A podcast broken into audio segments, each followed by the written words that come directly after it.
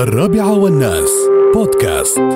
آه هني آه طبعا آه العطلات الرسمية اللي آه المعتمدة في دولة الإمارات بقرار مجلس الوزراء. اليوم هذا ال- طبعا آه آه الهيئة زودت كل الوزارات والجهات الاتحادية آه والزمتهم بالتقيد بمواعيد العطلات الرسمية حسب التاريخ المبين. إزاء كل عطلة هني آه، ما شيء باقي عاد من العطلات ما بوايد.